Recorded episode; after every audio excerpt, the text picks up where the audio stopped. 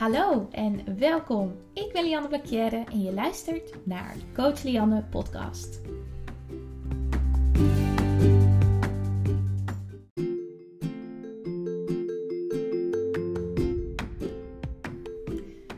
Vijf jaar lang heb ik in gevecht gezeten met een eetstoornis, een depressie en onzekerheid over mijn lichaam speelt. En over wat ik eigenlijk wilde en wie ik eigenlijk was. In deze podcast neem ik jou mee op een weg naar zelfliefde. Hoe jij dit voor jezelf kunt creëren. Hoe jij vrijheid rondom voeding en je lichaamsbeeld kunt creëren. En wat voor stappen jij daarvoor kunt ondernemen.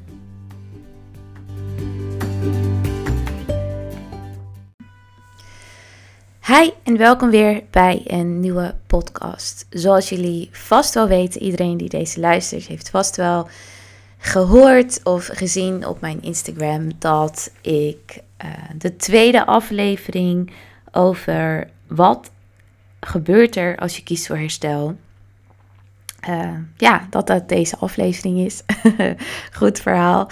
Um, het is best alweer een tijdje geleden dat ik uh, voor het laatst een podcast heb opgenomen, omdat ik best wel verkouden ben geweest. Um, ja, dus ik vond het niet zo fijn om een podcast op te nemen terwijl ik aan het hoesten was of mijn neus aan het snuiten was. Volgens mij is dat niet heel chill om naar te luisteren. Dus hier ben ik weer. Um, ja, en ik heb er wel weer zin in. Ik moet er wel weer even inkomen. Aangezien het alweer een tijdje geleden was dat ik de eerste aflevering van Wat gebeurt er als je kiest voor herstel heb opgenomen, moest ik er wel weer even inkomen. Wat heb ik nou allemaal verteld? Dus het kan zijn dat ik toch wel weer in herhaling val. Maar ja, herhaling zorgt voor verandering. Zo zeg ik het dan altijd maar. Dus hoe meer je dingen hoort, hoe meer je dingen leest, hoe meer het ook een soort patroon weer wordt. Hoe meer het ook in je gedachten gaat zitten. Hoe meer het ook in je onbewuste brein komt. En in de vorige aflevering, de eerste aflevering over wat gaat er gebeuren als je kiest voor herstel, heb ik het voornamelijk gehad over anorexia. Dit is ook waarover ik de meeste vragen heb gekregen, maar ook waar mijn eetstoornis in begon, anorexia. En zoals ik had beloofd, wilde ik ook nog een aflevering maken over bulimia en binge eating disorder. Maar ik heb jullie ook een aantal dagen geleden, dus ik denk deze podcast komt op woensdag online. En ik heb jullie maandag uh, de mogelijkheid gegeven om vragen te stellen over dit onderwerp. En er zijn een aantal vragen binnengekomen, een aantal vragen die heel veel werden gesteld. En deze ga ik ook beantwoorden in deze podcast. En uh, ja, laten we gaan beginnen. Nou ja, wat gebeurt er als je kiest voor herstel is voornamelijk voor iedereen heel erg anders. Maar er zijn een aantal richtlijnen die heel veel gebeuren. En um, mocht je kampen met binge eating disorder, dus heb je heel veel eetbuien en heb je bulimia, dus heb je eetbuien, maar gooi je het er heel snel weer uit, is het eerste wat er gaat gebeuren, het eerste wat ik als coach jou zou aanraden en het eerste wat heel erg belangrijk is, is dat je niet meer gaat compenseren. Want op het moment dat je gaat compenseren, kom je in een cirkeltje terecht van eetbui, compensatie. Je lichaam heeft weer heel veel honger omdat je hebt gecompenseerd. En dan is het heel gemakkelijk weer om weer in een eetbui terecht te komen. Dus het eerste wat er gaat gebeuren, is dat jij niet meer gaat compenseren. En daarbij komt heel veel angst kijken. Want wat nou als ik heel veel ga aankomen? Hè? Dat is iets wat ik heel veel hoor. En dat is ook een angst die ik heel veel heb gehad. Oké, maar als ik niet meer ga compenseren, dan kom ik dus heel veel aan. Die angst is best wel sterk. En ik begrijp ook dat. Ik begrijp het ook als je nu denkt: ja, maar als ik niet meer ga compenseren. Ja, wat gebeurt er dan? de eerste stap naar vrijheid rondom voeding op het moment dat je heel veel last hebt van eetbuien, op het moment dat je last hebt van bulimia, is met jezelf de afspraak maken. Ik ga niet meer compenseren. Dus ook al heb ik gisteravond een eetbui gehad, ik ga vandaag gewoon ontbijten. Ik hou gewoon het gezonde en fijne en goede eetpatroon de volgende dag weer vol. Je lichaam is op zoek naar een bepaald soort balans en een bepaald soort rust rondom eten. Op het moment dat je gaat compenseren, zorgt dat ook weer voor stress. Zorgt het ook weer dat je honger- en verzadigingsgevoel compleet in de war zijn. En ik begrijp dat het lastig is. Ik begrijp dat het moeilijk is. En ik begrijp ook dat je denkt: ja, Jezus, maar dan kom ik nog meer aan. Kijk, je lichaam is op zoek, net zoals wat ik net ook zei, naar een balans. En je eetpatroon, je wilt e-, een balans, gebalanceerd eetpatroon. En dat gaat nooit werken op het moment dat je weer compleet in een dieet gaat zitten. Het gaat nooit werken op het moment dat je met jezelf de afspraak maakt. Volg, morgen ga ik weer normaal doen, want wat is uiteindelijk normaal? Morgen ga ik weer gezond eten. Morgen mag ik alleen maar dit. Morgen moet ik dus wel echt veel gaan bewegen. Want dan ga ik dus weer normaal doen en ga ik balans creëren rondom voeding. Terwijl daar gaat het helemaal niet om. Dat werkt ook helemaal niet. Het werkt niet om met jezelf de afspraak te maken dat je vanaf morgen geen chocola meer mag eten. Want dan wil je het juist. Dat is hoe ons brein werkt. Het werkt niet als jij met jezelf de afspraak maakt. Morgen ga ik dus niet ontbijten. Ga ik alleen maar lunchen en avond eten en alleen maar groente eten. Je lichaam heeft meer nodig. Je lichaam gaat op een gegeven moment in de avond zeggen: Yo, je hebt niet genoeg gegeten. Waardoor je een koekje eet, kan je het weer niet bijeen laten en neem je weer het hele pak. Zo werkt het. Eigenlijk houdt je brein je voor de gek door te zeggen tegen jou dat je minder moet gaan eten, dat je moet gaan compenseren, dat dat werkt. Eigenlijk houdt de hele dieetwereld jou voor de gek door te zeggen dat jij moet gaan diëten. Door te zeggen dat jij bepaalde voedingsmiddelen wel of niet mag eten. Waardoor je eigenlijk compleet in de war raakt. Wat moet ik wel eten? Wat kan ik wel eten? Wat wil ik wel eten? Dat is ook de obsessie die je op een gegeven moment hebt gecreëerd. Wat voor mij heel erg werkte, want ik heb best wel veel last van um, eetbuien gehad. Ik heb uh, de, ook de extreme honger gehad. En dat was dan weer een stukje van mijn anorexie. Dat kun je horen in mijn vorige podcast. Maar daarna heb ik best wel veel last van eetbuien gekregen. Wat voor mij erg werkte was erachter komen waar dat dan vandaan kwam. Waar kwamen die eetbuien vandaan? Waar kwam het feit van de compensatie in mijn bulimia heel erg vandaan? Nou, de compensatie was, ik was bang om aan te komen. Ik wilde niet aankomen, want ik wilde niet zwaarder wegen. Ik mocht niet aankomen. Dus wat, wat gebeurde er als ik aankwam? Ja, dan werd ik dik. Nou, wat, was, wat gebeurde als ik dik werd? Of was? Ja, dan word ik niet geaccepteerd. Dan ben ik niet mooi. Nou, al die overtuigingen probeerde ik niet meer als waarheid te zien op een gegeven moment. Want is het echt waar dat ik aankwam op het moment dat ik een gebalanceerd eetpatroon creëerde? Of was ik nu eigenlijk bezig met zo'n verward eetpatroon, waardoor mijn lichaam compleet in de war raakte, waardoor mijn lichaam alles ging opslaan? Hm, dat kun je jezelf afvragen. En daarnaast is het ook zo dat je brein is op zoek naar een prikkel. En die prikkel die vul je op met eten. Eten geeft je een soort van adrenalinekick. Het geeft je een prikkel in je brein, waardoor je even die rust vindt. Waardoor je het onrustige gevoel kan opvullen met eten, waardoor je een, nou ja, wat zou het zijn, een half uur of een uurtje of misschien wel tien minuten die rust ervaart waar je zo'n drang naar hebt. Dus kom erachter, wat voedt die eet bij? Het heeft niet te maken met eten. Het heeft te maken met andere dingen. Dus het heeft te maken, ik heb eigenlijk heel veel. Eigenlijk heb ik heel veel drang naar rust. Ik voel me onrustig. Ik heb stress gehad op het werk of ik heb stress gehad van school. En eten geeft mij rust. Eten geeft mij een prikkel waardoor ik heel even kan ontspannen. Hoe kan je op een andere manier die prikkel ervaren? En soms werkt het om in het begin die prikkel te ervaren door even echt compleet weg te stappen. Door bijvoorbeeld als het koud is buiten, ga even in de kou staan buiten of ga in de regen staan buiten. Ga heel hard dansen hè, neem, of zet heel harde muziek op. Ga in de douche staan.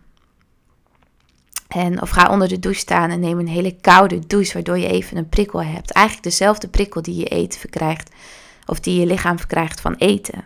Dat werkt heel goed. En Iets wat ik ook heel vaak aangeef en wat voor mij heel erg heeft gewerkt, is toestemming geven aan eten. En dat is iets wat ik heel erg moeilijk vond, want voor mij was toestemming geven om te eten stond in lijn met het heel veel eten, met alles eten wat ik mocht. En dat gebeurt ook in het begin. Wees daar echt niet bang voor. Op het moment dat je jezelf toestemming geeft om te eten ben je nog best wel veel met eten bezig. In het begin van het herstel ben je nog best wel veel met eten bezig. En met een hele verwarrende manier eigenlijk. Want alles wordt op de schop gegooid. Je emoties, je, de kern van je eetstoornis. Waar komt het dan werkelijk vandaan? Je, je, alles wat ooit is gebeurd in je leven. Tenminste, zo heb, zo heb ik het ervaren. Alles wat er gebeurd was in mijn leven. Mijn verleden als kind. Hoe was ik opgegroeid? Alles wordt op de schop eigenlijk. Hoe zeg je dat? Op de schop gezet? Op de nou ja, je begrijpt vast wat ik bedoel. Alles komt naar boven. En dat is soms zo zwaar. Maar het werkt wel om erachter te komen.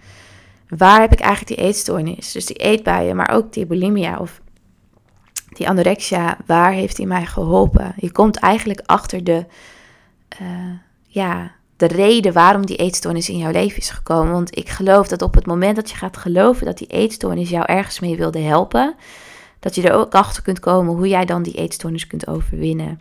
Hoe jij jezelf kunt leren helpen, waarbij je eetstoornis wilde helpen. En dan denk je, the fuck, Lianne?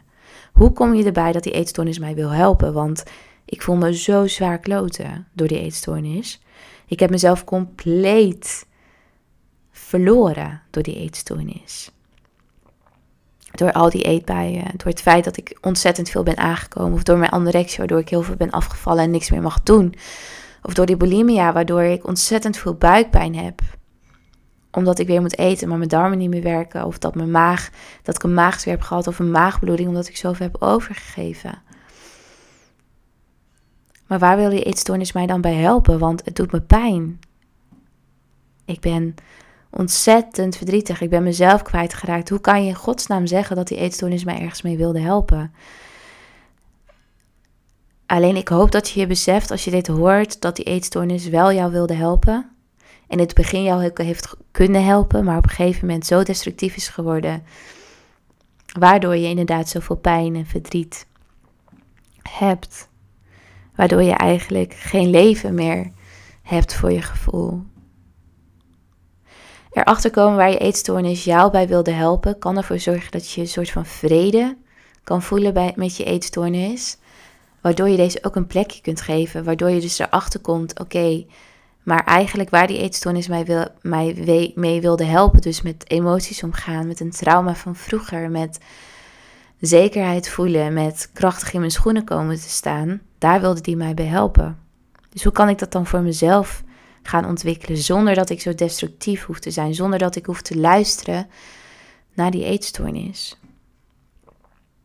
En hoe ziet dat er voor jou uit? Voor mij was het eigenlijk meer liefde creëren. Een stap op de plek van Lianne, luister naar jezelf. Kijk naar jezelf. Die eetstoornis is heel sterk. En door die eetstoornis word jij heel sterk, eigenlijk. Want het overwinnen van een eetstoornis is misschien wel het meest moeilijke wat ik ooit heb moeten doen. Maar daardoor heb ik mezelf wel bewezen dat ik fucking sterk ben. Die eetstoornis wilde met emoties omgaan voor mij. En ik kon de keuze maken: oké, maar hoe kan ik op een fijne, liefdevolle en mooie manier met emoties omgaan in plaats van met een negatieve en destructieve manier? Het kan anders. Ik wil het anders. Het heeft me geleerd hoe ik het eigenlijk niet wil doen. Het was een bescherming, een muurtje die ik op kon zetten omdat ik bang was om te leven. En hoe kan ik ervoor zorgen dat dat muurtje minder hoog wordt, maar dat ik wel mezelf kan beschermen tegen alle pijn en verdriet van de buitenwereld of alle angst van de buitenwereld? Hoe kan ik ervoor zorgen dat ik op een gezonde manier dat muurtje kan optrekken op het moment dat ik dat nodig heb en dat niet die eetstoornis meer bepaalt wanneer dat muurtje opkomt. Dit zijn dingen waar je doorheen gaat als het, op het moment dat je kiest voor herstel. Je gaat door de meest grote shit van je leven heen. En dat is wat nodig is, want dat is wat je zo'n lange tijd uit de weg bent gegaan. Je gaat door momenten van intens verdriet en intens pijn. Je gaat door momenten van intense boosheid, intense frustratie, van niet meer weten hoe de fuck je eigenlijk verder moet. Tot het moment dat je wakker wordt en denkt: ja, het is oké. Okay. Dank je wel, eetstoornis. Maar ik wil jou niet meer. Ik heb jou niet meer nodig, want ik weet hoe ik op een andere manier met emoties om moet gaan. Niet meer om mezelf vol te vreten of niet meer om mezelf uit te hongeren. Niet meer met eetbuien en kotsen of met mezelf pijn doen. Bulimia is ook dat stukje van op het moment dat je bent aan het compenseren bent. En dat kan op vele manieren. Is ook jezelf pijn doen. Jezelf straffen eigenlijk. Omdat misschien de overtuiging, ik ben het niet waard om te leven. Nou, waar komt die overtuiging vandaan? Is dat iets uit je omgeving of is het iets wat je bent gaan geloven op het moment dat je bent opgegroeid? Dat zijn allemaal dingen waar je in gaat duiken. Waar komen al mijn overtuigingen vandaan? Waar komt het vandaan dat ik op bepaalde manier ben gaan denken en bepaalde dingen ben gaan geloven?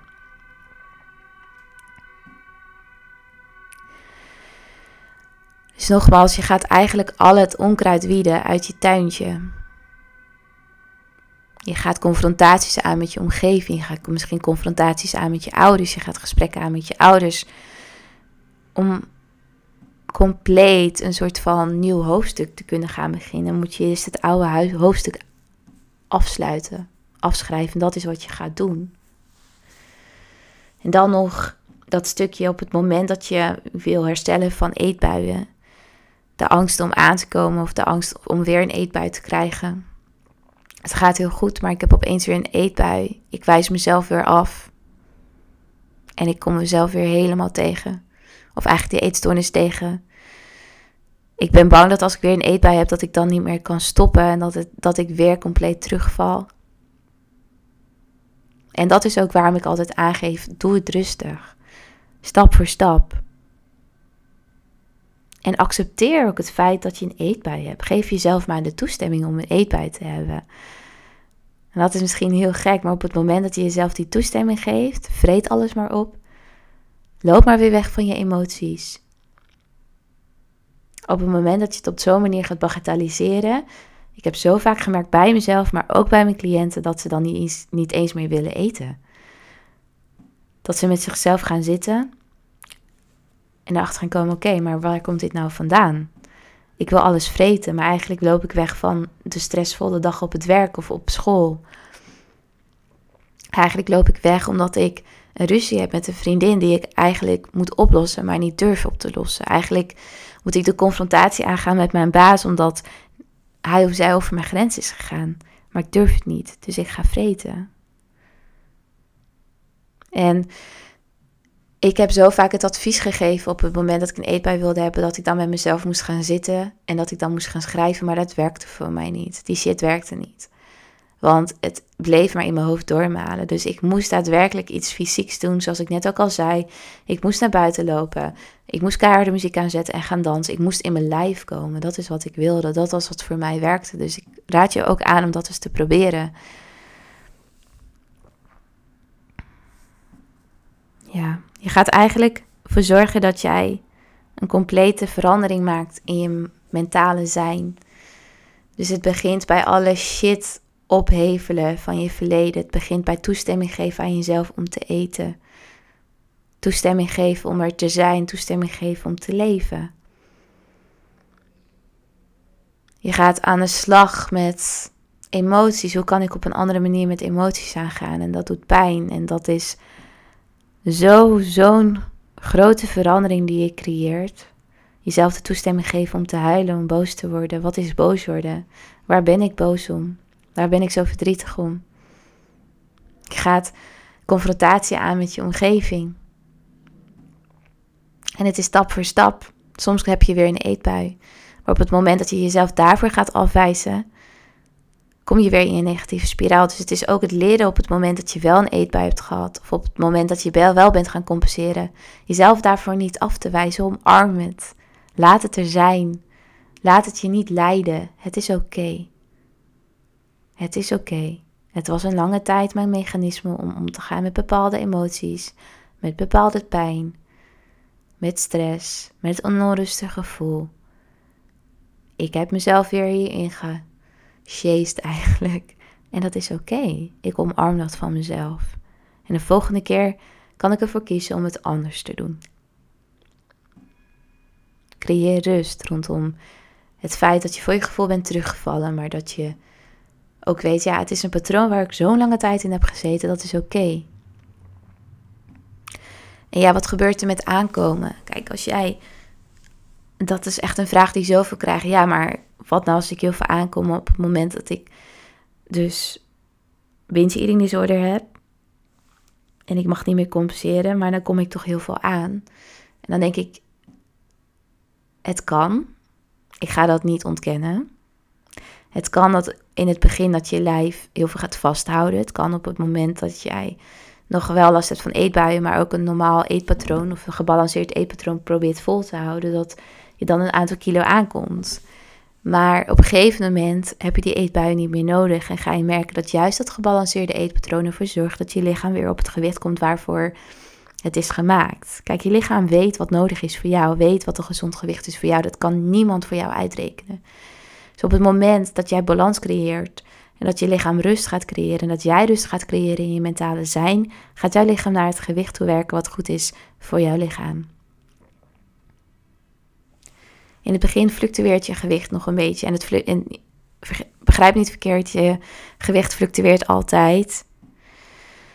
Maar op een gegeven moment gaat je lichaam weten: oké, ik kan jou vertrouwen. Ik kan erop vertrouwen dat jij goed voor mij zorgt. Dat je niet in één keer allemaal shit naar binnen werkt. Nee, we eten gebalanceerd.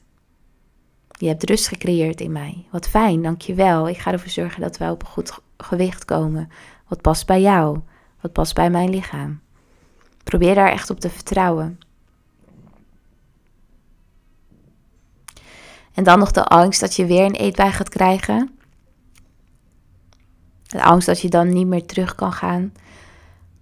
Die angst mag er zijn. Het is zo'n lange tijd een groot deel van jou geweest. Een deel waardoor jij sociale situaties bent gaan ontwijken. Waardoor jij heel veel dingen niet meer hebt kunnen doen. Waardoor je niet lekker in je vel zat. Waardoor je misschien mensen bent kwijtgeraakt. Het is oké dat die angst er is, maar probeer daar doorheen te gaan. Probeer in de angst te gaan zitten. En net zoals wat ik al zei, als het wel gebeurt, probeer je dan niet af te wijzen. Op een gegeven moment ga je jezelf bewijzen dat je het kunt. Je kan er zonder. En als je kijkt naar het aansterken, ik probeer aankomen altijd te, voor, te formuleren als aansterken in anorexia, in bulimia. Dat is oké. Geef jezelf toestemming. Werk samen met je lijf. Je lijf heeft het nodig. En het moet, het moet toch gebeuren. Zo, zag ik er ook, zo zat ik er ook in. Ik, ik dacht op een gegeven moment, ja, ik moet toch aansterken. Want mijn lijf is niet gezond. En dat is wel mijn nummer één priority. Ik wil dat mijn lijf gezond wordt. Wat ik daarvoor moet doen, is aansterken. Is mijn lichaam geven wat het nodig heeft en daarna luisteren. En voor alle eetstoornissen geldt ook, hoe ga ik weer naar mijn lichaam luisteren? En daarvoor heeft je lichaam tijd nodig, want je honger- en verzadigingsgevoel is in de war. En door tijd ga je merken dat je op een gegeven moment weer naar je lichaam kunt luisteren. En dat je zelfs kunt luisteren naar je lichaam op het moment dat het bijvoorbeeld meer vetten nodig heeft of meer koolhydraten. Dat voel je op een gegeven moment. En dat is weer in je lijf komen en contact maken met je lijf. Er weer tegen kunnen dat je weer aan wordt geraakt. Intimiteit. is ook wel een dingetje in herstel. Ik vond het verschrikkelijk om aangeraakt te worden, want dan werd ik geconfronteerd met mijn lichaam, maar ook dat stukje intimiteit. En ik wil daar misschien nog wel een aparte podcast over opnemen. Was voor mij heel confronterend en heel moeilijk. Je gaat er weer sociale situaties bevinden waarin eten is. En hoe ga ik dat oplossen? Um, je gaat daarin ook weer rust vinden, maar ook jezelf uitdagen.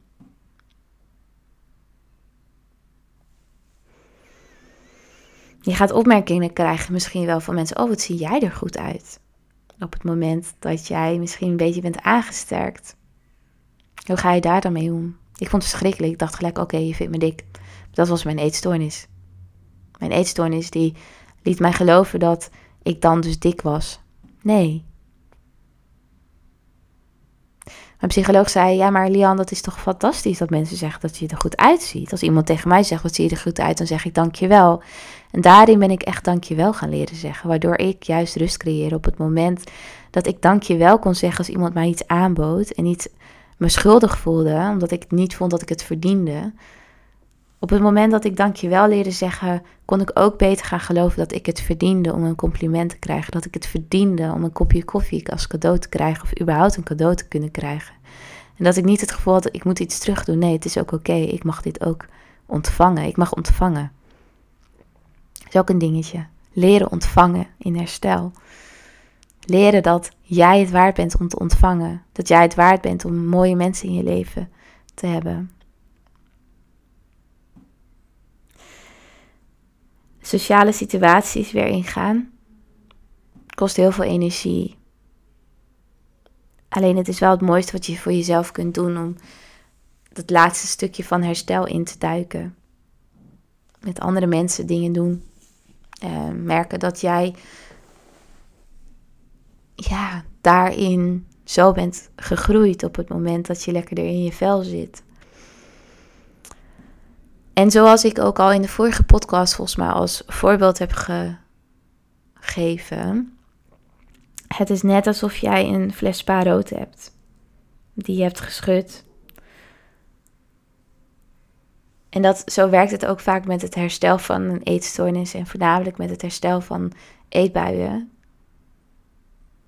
Kijk, als je in één keer die fles eraf, of als je in één keer die dopper afdraait, ontploft die. En dat is, als, dat is eigenlijk een soort van synoniem, of een synoniem, een, een, een vergelijking met op het moment dat je te grote stappen neemt, dan schroef je opeens die dopper af. Dan wordt die druk zo hoog dat die explodeert. En dan val je compleet weer terug. Maar op het moment dat je die fles even neerzet, dus eigenlijk rust creëert. Ik zet die fles even neer. En stapje voor stapje schroef ik die dopper af. Wordt de druk minder in die fles. En resulteert dat erin dat het water er niet overheen sproeit. En dat is eigenlijk wat je wil bereiken, wat je wil doen in herstel, is voorzichtig die dop eraf te schroeven. Stap voor stap. Geen haast. Neem je tijd. Dus twee stappen of één stap vooruit, twee stappen terug. Dat is oké. Omarm het proces. Omarm het proces. En dan komen we nog bij het stukje je lichaam weer leren accepteren.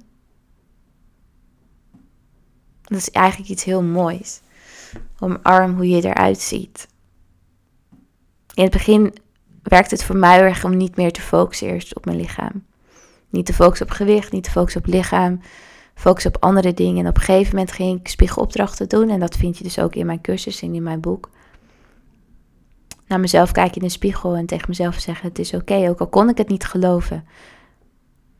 Mijn lichaam is oké. Mijn lichaam werkt hard. Voor mij.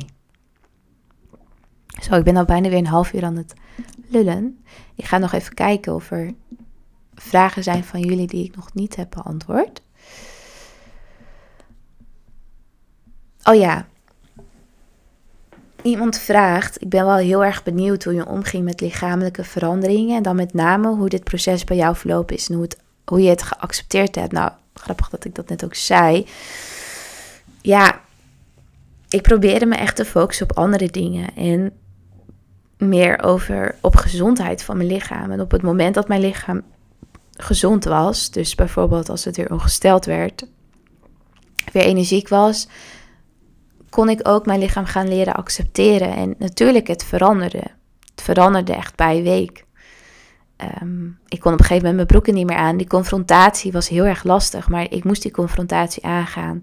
Door even heel hard te huilen, door even heel hard boos te worden, maar ook te weten, ja, maar ik krijg wel mijn leven terug. Dus wat wil ik? En die ultimatum, die stelde ik heel vaak voor mezelf, oké, het feit dat ik mijn broek niet meer pas, wil zeggen dat ik mijn leven terugkrijg. True. Als ik weer terug ga naar het wel het passen van deze broek, heb ik, heb ik mezelf er alleen maar meer mee. Want dan blijf ik in deze cirkel, blijf ik in deze negativiteit. En ja, ik wil echt niet zeggen dat ik het accepteren van mijn lichaam in één keer kon. Of dat het een grote lijn omhoog ging. Nee, het was van, oh ik vind het wel goed. Naar, oh ik vind het lelijk. En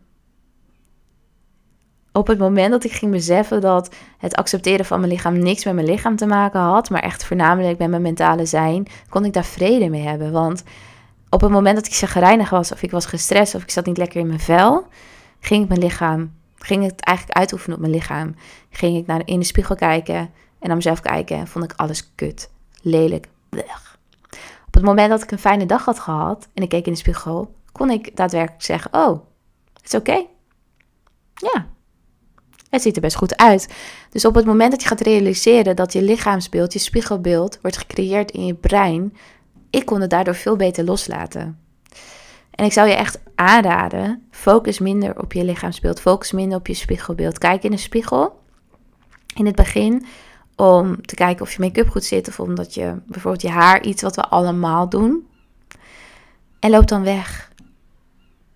Zorg ervoor dat je het even uit de weg gaat. Zorg ervoor dat je rust gaat creëren in je brein rondom spiegels. Zorg ervoor dat je niet meer die bodychecking gaat doen. Dat deed ik ook heel veel. In de spiegels kijken, in winkelruiten kijken. Overal waar ik mezelf maar kon zien, keek ik naar mijn lichaam en was ik het aan het afwijzen. Zoveel negativiteit. Dat is echt iets wat ik van de ene op de andere dag ben gestopt. Dat was ook een opdracht die ik kreeg van mijn coach. Stop daarmee. Dus elke keer als ik merkte van, oh, ik kijk naar mezelf. Nee, we kijken gewoon recht vooruit. We gaan niet bodychecken. We gaan niet kijken wat lelijk is. Nee, stop daarmee. Op het moment dat ik merkte dat ik er klaar voor was, ging ik op de, voor de spiegel staan, gewoon in mijn naki. En gewoon naar mezelf kijken. En alles maar gewoon laten gaan, alle gedachten die ik had. En op een gegeven moment oefen ik met kleine zinnetjes tegen mezelf zeggen zoals... Het is oké, het is goed genoeg. Dit is je lichaam. Het werkt hard voor jou. Het is oké, het is goed. Weet je wel, en dat steeds meer uitbreiden naar op een gegeven moment, ik accepteer dit. En ook al kun je het niet in het begin niet geloven, door herhaling, zoals ik net ook al in het begin van deze podcast zei, door herhaling gaat het in je onbewuste zitten. En ga je het later ook als waarheid zien. Dat is ook hoe die eetstoornis is gaan werken. Er is geen waarheid. Door herhaling is het waarheid geworden. Dus dat is een beetje de weg die ik ben gaan lopen in lichaams, in het accepteren van mijn spiegelbeeld. En ik begrijp niet verkeerd. Ik kijk nu ook nog wel eens in de spiegel en denk ik, Jezus, bla. Weet je, dat heeft toch iedereen, voornamelijk als ik ongesteld moet worden en ik zo'n ongesteldheidsbuikje heb. Liever dat hebben we allemaal. Dan kijk ik ook in de spiegel en denk ik, ugh. Of als ik moe ben en ik kijk naar mijn wallen, denk ik, ugh. Dan is het ook oké en dan kan ik er ook wel weer om lachen. En dan denk ik, ja, het zit ook weer lekker in je brein. Je hebt gewoon een lange dag gehad. Tuurlijk. Het is oké. Let it go. En er is meer dan mijn lichaam. Er is meer dan mijn uiterlijk. Mijn uiterlijk is niet alleen maar mijn lichaam. Het is veel meer dan dat. Ik hoop dat je hier iets aan hebt. Uh, wat is herstel voor jou? Um, goh, herstel voor mij is vrijheid. Is complete vrijheid voelen rondom eten, rondom mijn lichaam, rondom alles in mijn leven. Herstel voor mij is het weten hoe ik om kan gaan met negatieve momenten, met emoties, met alles eigenlijk wat het leven naar mij gooit, denk ik. Ehm, ja, mooie vraag wel. Het is iets om over na te denken. Herstel voor mij is naar in de spiegel kunnen kijken met de onbewuste gedachte: het is oké. Ik denk er niet meer over na.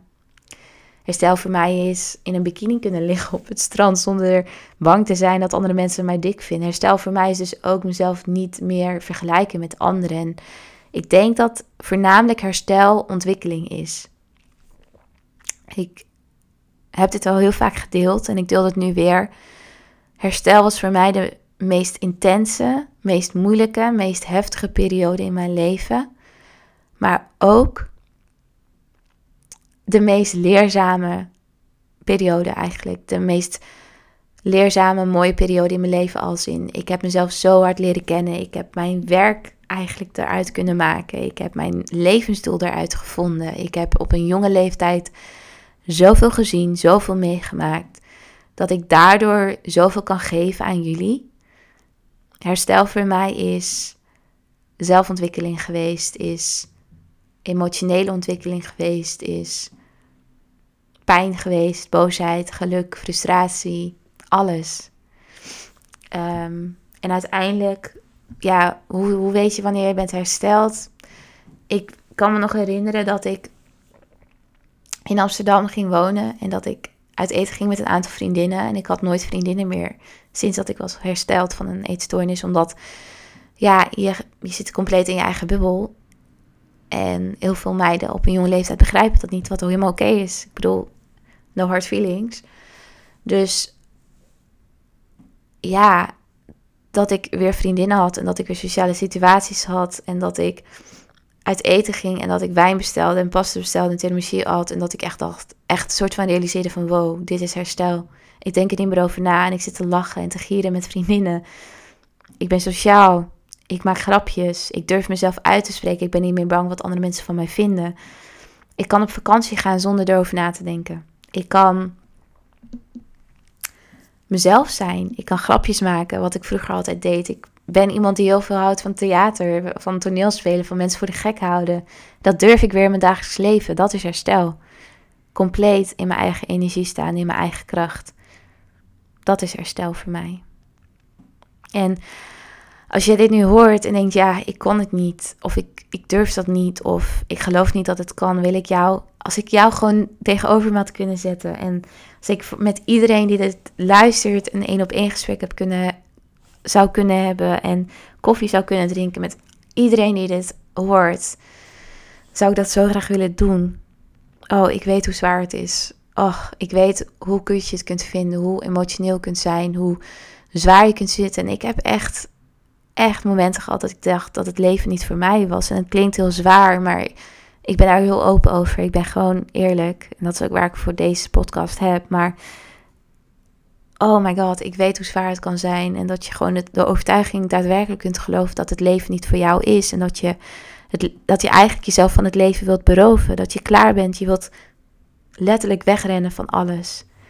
Ik weet het. En als ik jou een knuffel kon geven, dan hierbij geef ik jou een virtuele knuffel. Geef niet op. Geef alsjeblieft niet op. Het leven is ook voor jou. Blijf vechten, blijf doorgaan. Blijf jezelf bewijzen dat je fucking sterk bent. Dat je sterker bent dan die eetstoornis. Jij kunt het. Het leven is voor jou. Echt waar. En er zijn eenzame momenten in herstel. Je hebt momenten in herstel dat je het gevoel dat, je, dat er niks anders is dan eten dan er niks anders is dan jezelf weerhouden van bewegen of jezelf weerhouden van een eetbui. Je voelt je eenzaam. Misschien mag je niks doen omdat je het ziekenhuis thuis hebt gekregen, iets wat heel vaak voorkomt. Hoe de fuck ga je dan jezelf plezieren? Hoe ga je dan op een andere manier een prikkel krijgen dan alleen maar met eten bezig zijn? En dat is heel erg moeilijk. Ik ken het. Ik heb denk ik drie maanden op de bank gezeten zonder dat ik iets mocht doen. ja, hoe krijg je dan positieve prikkels? Het werkte voor mij eigenlijk om heel veel te lezen, om heel veel, ehm, ja, dit soort podcasts te luisteren. Dat is ook waarom ik dit natuurlijk doe. Om ademhalingsoefeningen te doen, om te haken of te breien, weet je wel, om creatief bezig te zijn, te tekenen, te schilderen. Dat soort dingetjes ja, maar werd heel vaak gevraagd, Lian, wat vond jij vroeger heel leuk? En misschien kun je dat gaan doen. Dus ik ben toen ook volgens mij, ja, ik ben toen weer zangles gaan doen ook. Weet je wel, dat soort dingen. Ehm, en dromen. Vision boards maken. Ik droomde van het leven wat ik kon leiden op het moment dat ik was hersteld. Ja, wat maakt mij gelukkig? Wat geeft mij positieve prikkels en hoe kan ik dat elke dag doen? Het was ook liefde voor mezelf. Dus een maskertje maken, lekker in bad gaan liggen, nagels lakken, goed voor mezelf zorgen, daarin ook. Mijn lichaam goed verzorgen. Liefde aan mezelf geven. Wow, het is alweer bijna 40 minuten. Ik ga nu stoppen. Dit was de eerste of de tweede aflevering, de laatste aflevering, waarin ik de vraag beantwoord: wat gebeurt er als je kiest voor herstel? Ik hoop dat je hier iets aan hebt gehad. En ik hoop dat je de volgende podcast ook weer luistert. Dankjewel.